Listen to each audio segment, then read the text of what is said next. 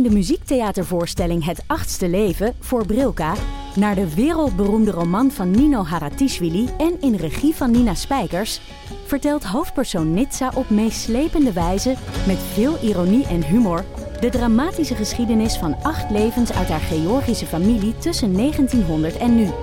Een hartverscheurend en tegelijk troostrijk drama verteld vanuit het perspectief van vrouwen uit verschillende generaties. Waarbij het publiek meegenomen wordt op een emotionele, visuele en muzikale reis door de 20ste eeuw. Koop je tickets voor het achtste leven via oostpol.nl.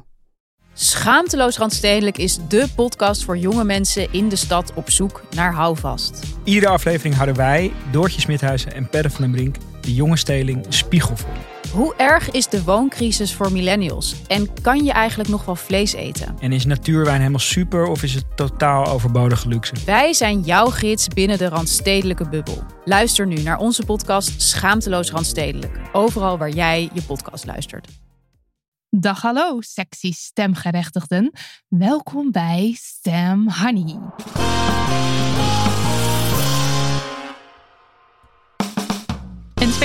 Speciale bonusserie die we maken om jou in de richting van het stemhokje te duwen. Want stemmen zul je. En dan het liefst op iemand waarvan jij denkt: hey, yes, ja, woehoe, ja, mm. Of niet, mm, weet ik niet. Mijn naam is Marilotte. En ik ben Nidia. En in deze zesdelige serie spreken we zes lijsttrekkers over all things feminisme. Zover je all things feminisme in een kwartier kunt bespreken. Vorige aflevering hadden we Lilianne Ploemen van de PvdA te gast. En in deze aflevering schuift Esther Ouwehand van de Partij voor de Dieren aan. Daar gaan we.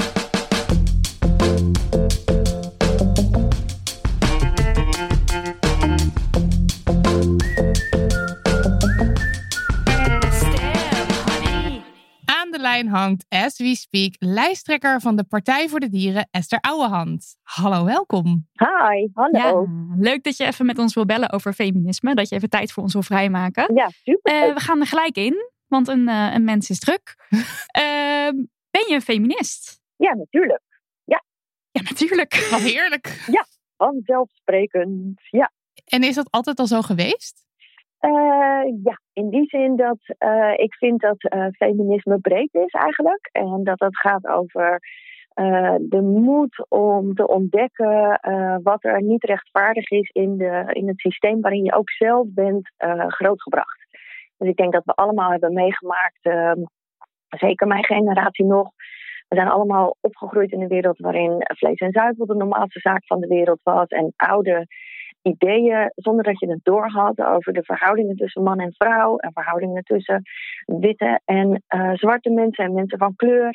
Eh, Die heb je allemaal niet zelf verzonnen, maar ehm, gaandeweg eh, kom je erachter dat die onrechtvaardigheid er wel zit. En feminisme gaat voor mij over de moed om een open levenshouding te hebben, om de systemen waar je zelf als deel van uitmaakt, als er informatie tot je komt waaruit blijkt dat een bepaalde groep wordt onderdrukt, dat je de moed hebt om daar open voor te staan, na te denken wat je ervan vindt en eh, te veranderen wat je kan.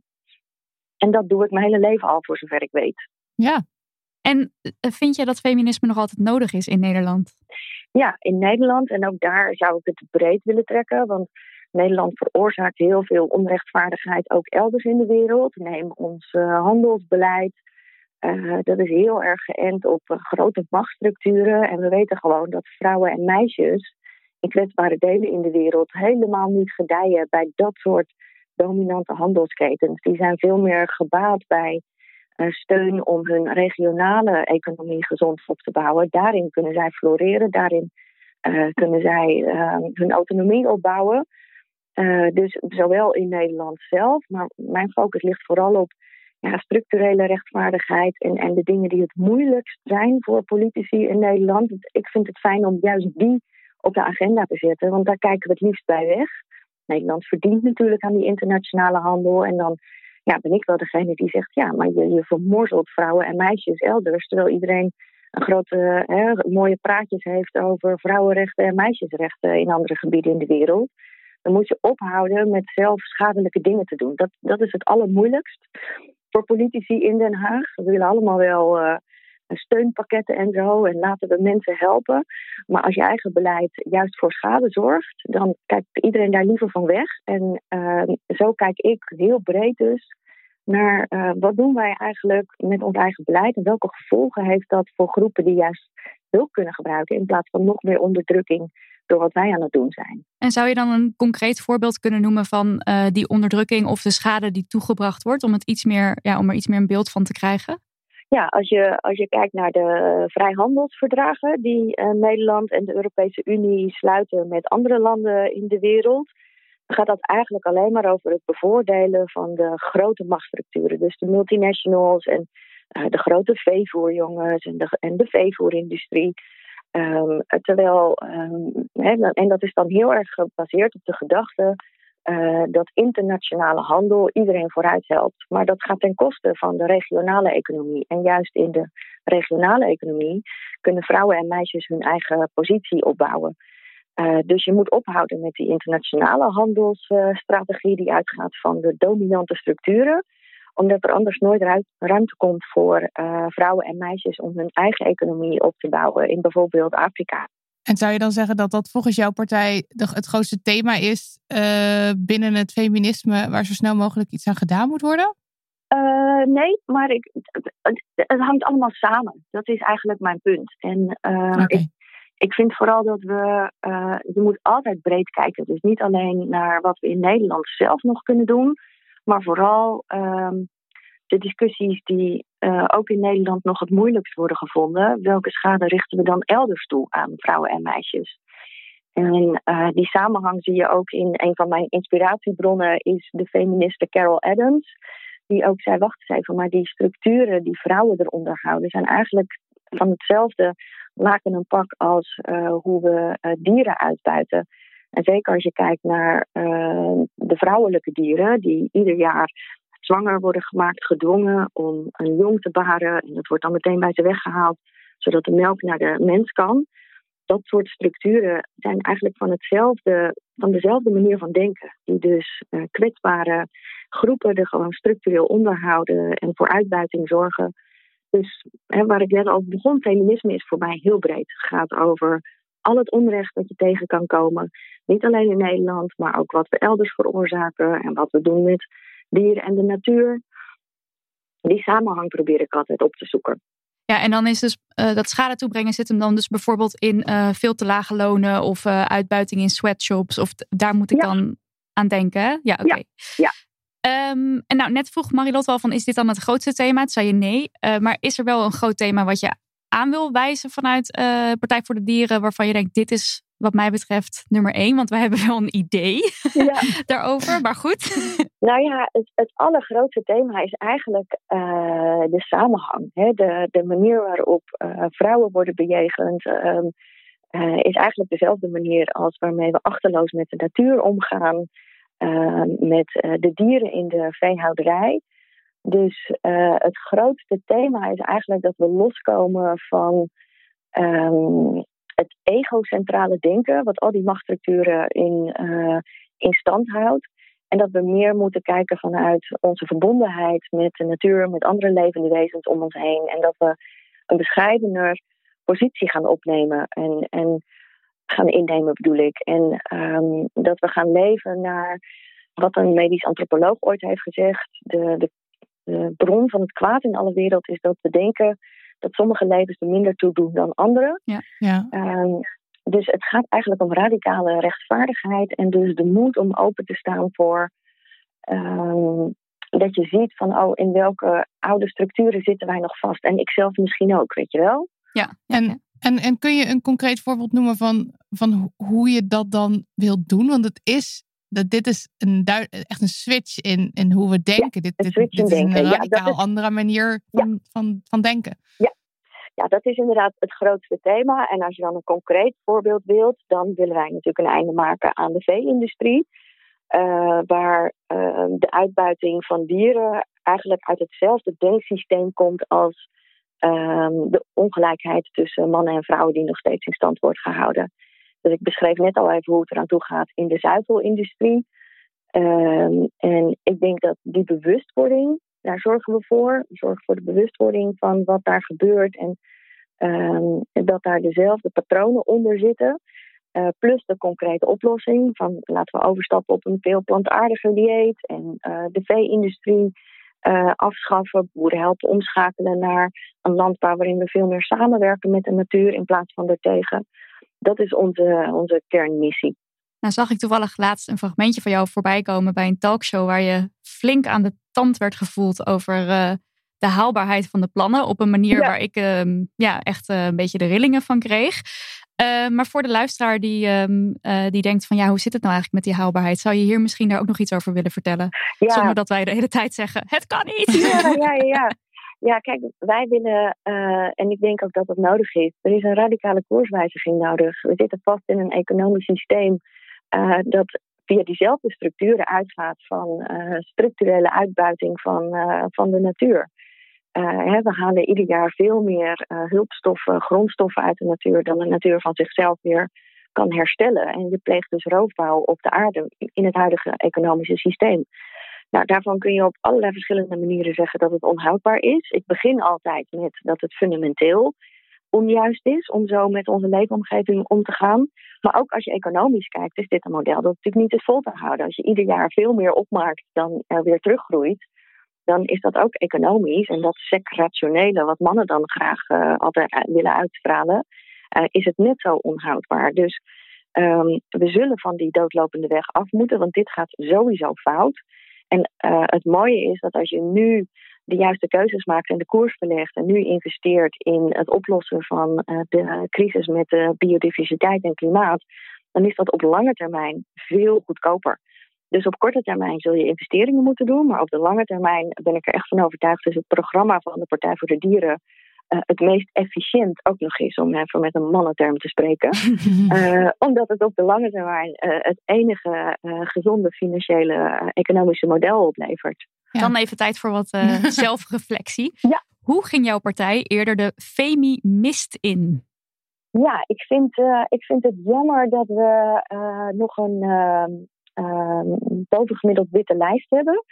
En ik ben nog niet zo heel erg lang partijleider. En ik heb me te laat, denk ik, gerealiseerd dat daar meer voor nodig is dan waar ik zelf altijd van uitga. Ik ben uh, um, als vrouw, ik heb het altijd volstrekt vanzelfsprekend gevonden dat, je alles kan doen wat je wil. Dus ook een politieke partij oprichten en de politiek ingaan en partijleider worden. Of uh, als je dat zou willen, minister-president, dat wil ik zelf niet worden. Maar hè, dat vanzelfsprekende, dat heeft denk ik bij mij een soort blinde vlek veroorzaakt, waardoor ik niet goed in de gaten had dat er voor mensen van kleur en zwarte mensen meer nodig is om uh, zich welkom te voelen in de politiek. Dus dat, ja. dat heb ik me te laat gerealiseerd. En uh, daardoor is onze lijst nu nog te wit, vind ik. Maar ik hoop dat we dat bij de volgende keer uh, wel goed kunnen doen. Hoe ga je ervoor zorgen dat dat dan nu dat dat niet meer gebeurt? Nou, onze, ons bestuur heeft een extern bureau ook ingeschakeld om te vragen van... Hey, heb, wat, wat hebben jullie advies? Want blijkbaar gaat het niet vanzelf. En hebben we wel wat hulp nodig in tips en adviezen voor een goed diversiteitsbeleid. En wat ik vooral geleerd heb in uh, gesprekken met de mensen die uh, de Black Lives Matter protesten hebben gedaan in Nederland, heb ik vorig jaar gesproken. En dat had ik me dus niet gerealiseerd. Dat mensen van kleur en zwarte mensen uh, natuurlijk niet de Tweede Kamer in willen als zij dan ongeveer de enige zijn. En dat zij dan over alle ehm, racisme-issues en alle diversiteitsissues, dat zij dan altijd naar voren worden geschoven om uh, daar het woord over te voeren, om dat gevecht te doen. Zij willen natuurlijk ook gewoon voelen dat het vanzelfsprekend is dat zij daar zitten. En uh, dat zij ook alle uh, portefeuilles zouden kunnen krijgen. En dat ze niet automatisch worden gezien als de spreekbuis van een hele bevolkingsgroep. Ze zijn veel meer dan een vertegenwoordiger van één bevolkingsgroep. En toen dacht ik, oh, dat is natuurlijk zo. Er moet veel meer. Uh, er is veel meer nodig om te zorgen dat mensen ook die vanzelfsprekendheid kunnen voelen en daarop kunnen vertrouwen die ik heb gevoeld als vrouw. Dus uh, daar ben ik me nu bewust van en dat ga ik meenemen in mijn partijleiderschap. En als partij, ons bestuur, heeft ook gewoon extern advies ingeschakeld. Want soms heb je een beetje hulp nodig met tips van mensen die, die het wel al eerder hebben gezien en gevoeld en weten wat je moet doen. We komen even tussendoor om onze sponsor in the sunshine te zetten. Het is uitgeverij Blossom Books die deze serie mogelijk maakte. En om iets specifieker te zijn, het boek Waarom je niet zomaar moet stemmen waar je ouders op stemmen, geschreven door Titia Hogendoorn in samenwerking met Nienke Schuitenmaker. Met dit boekje heb je de complete basis in handen van de Nederlandse politiek. Wat verdomde handig is als je gaat stemmen. Wat jij dus gaat doen ergens om en nabij 17 maart. En Titia zou Titia niet zijn als ze de politiek niet hilarisch had gemaakt. Die meid heeft talent, want nooit eerder lag ik onder de tafel van het lachen door een boek over notabene de politiek. Voor maar 8,99 weet jij waarom je niet zomaar moet stemmen waar je ouders op stemmen. En dat is geen geld om een beetje te weten hoe de politieke wereld in elkaar steekt, zonder in slaap te vallen. Hup naar Libris.nl dus, waar je waarom je niet zomaar moet stemmen waar je ouders op stemmen, kunt bestellen bij je lokale boekhandel. oh, sorry, was even verloren geraakt in Titia's boek. En uh, in de Nederlandse politiek, het is heel, het is, je zegt het al, het is overwegend wit. Uh, en het is ook lang zo geweest dat uh, witte mannen beslissingen maken over de dingen die het hele land aangaan. Hoe ga je, want, want nu zeg je, nu reflecteer je al op de witheid van de partij. Hoe ga je er toch voor zorgen, of hoe gaat de partij er toch voor zorgen dat ook andere stemmen gehoord worden en worden meegenomen in het maken van beslissingen? Ja, ja, daar hebben we het net al een beetje over gehad. Hè. En ik denk ook wel dat ehm, uiteindelijk is die vanzelfsprekendheid het allerbelangrijkste.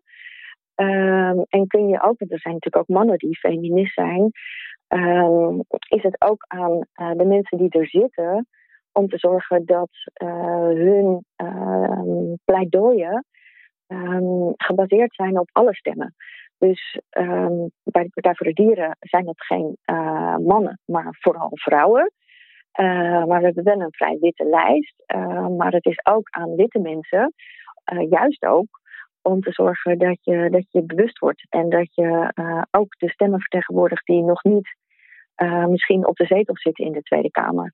Dus daar, daar is denk ik veel te doen en veel te halen. En um, ik denk dat we dat dus samen moeten doen. En dat juist ook de mensen die er wel zitten extra verantwoordelijkheid hebben om zich bewust te worden en te zorgen dat die stemmen wel vertolkt worden.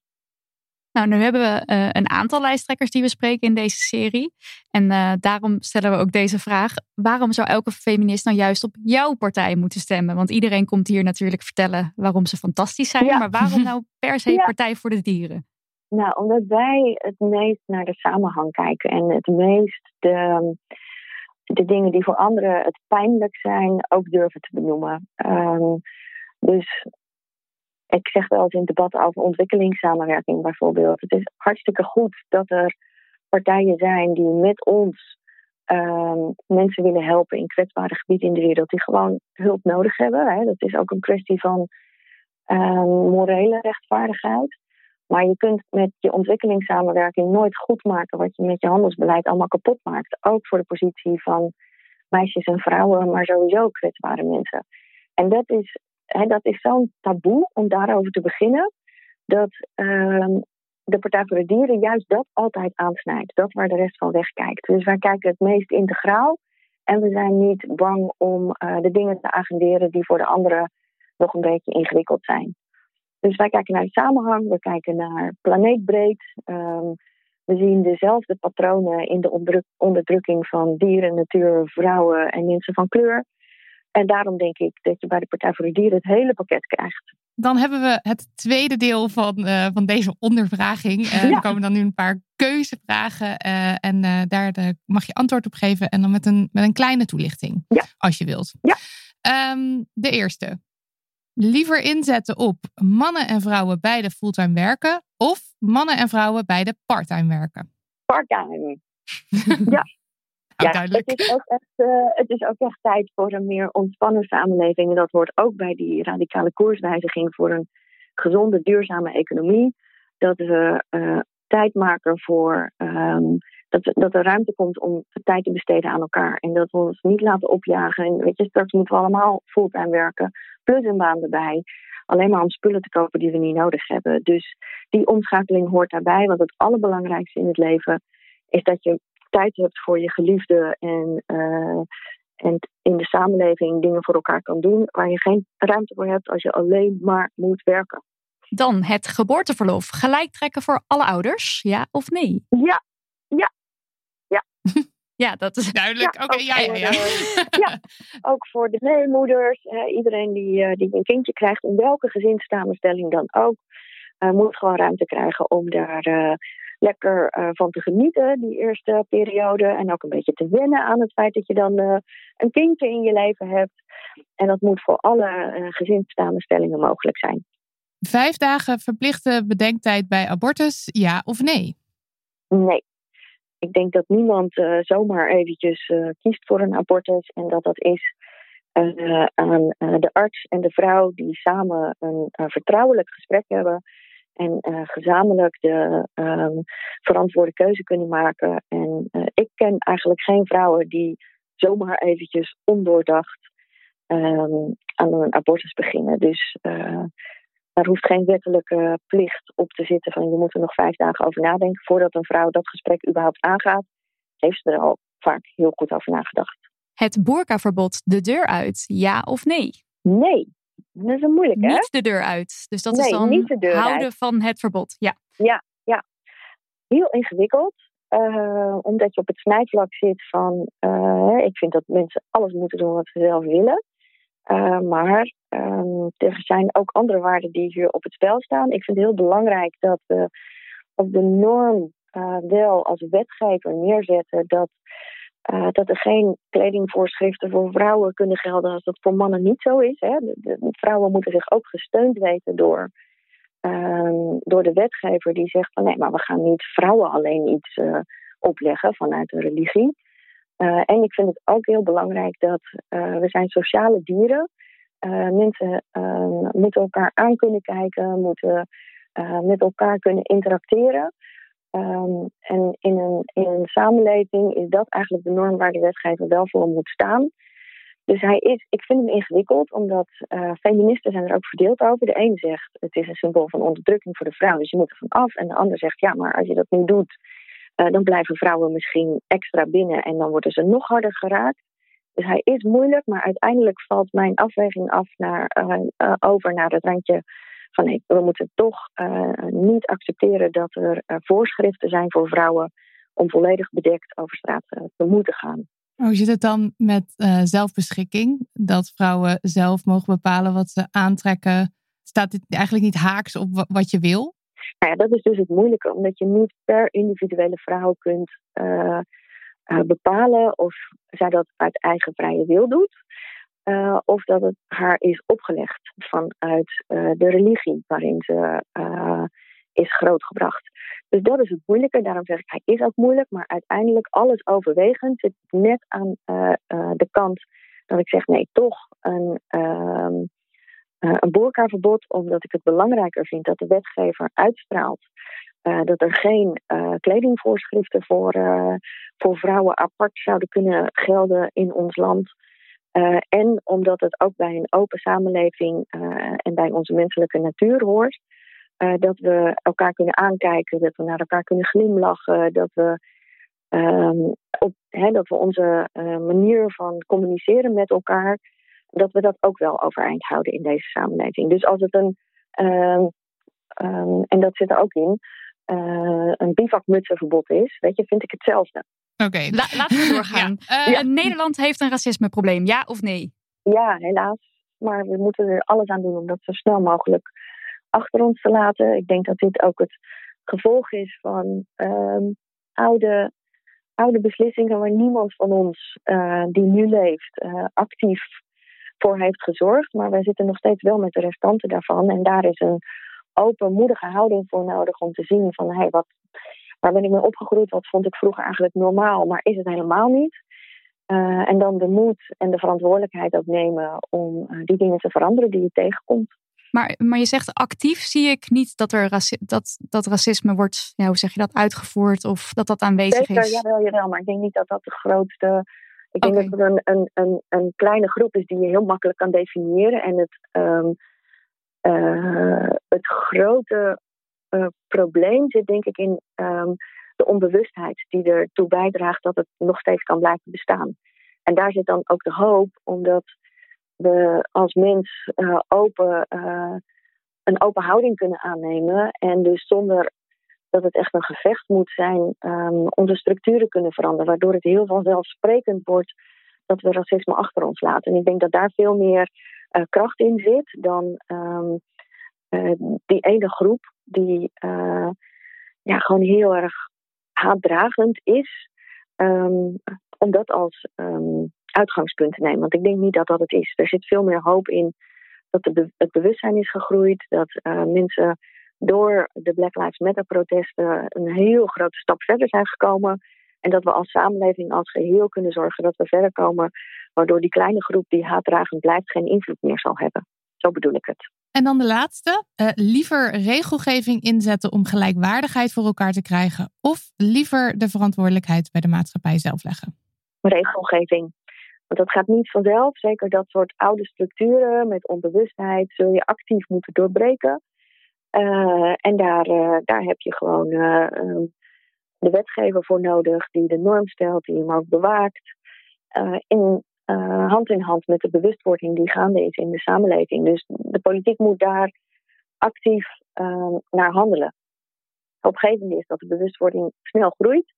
En de politiek moet snel die extra stappen zetten. in plaats van blijven hangen in uh, systemen die die onderdrukking in stand houden. Duidelijk. Ja, dat was hem. Ja, dat was hem. Zit er al op. Dankjewel. Dankjewel. Ja, dankjewel. Heel veel succes richting de verkiezingen. Dankjewel.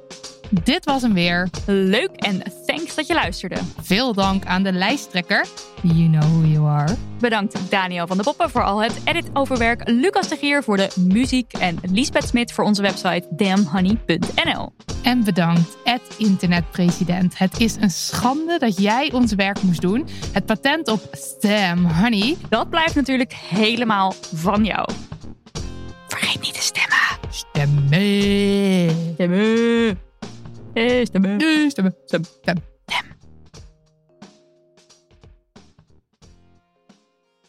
Nog even over die grootse en epische muziektheatervoorstelling. Het achtste leven voor Brilka is een marathonvoorstelling van 5 uur. Koop je tickets voor deze bijzondere theateravond via oostpol.nl.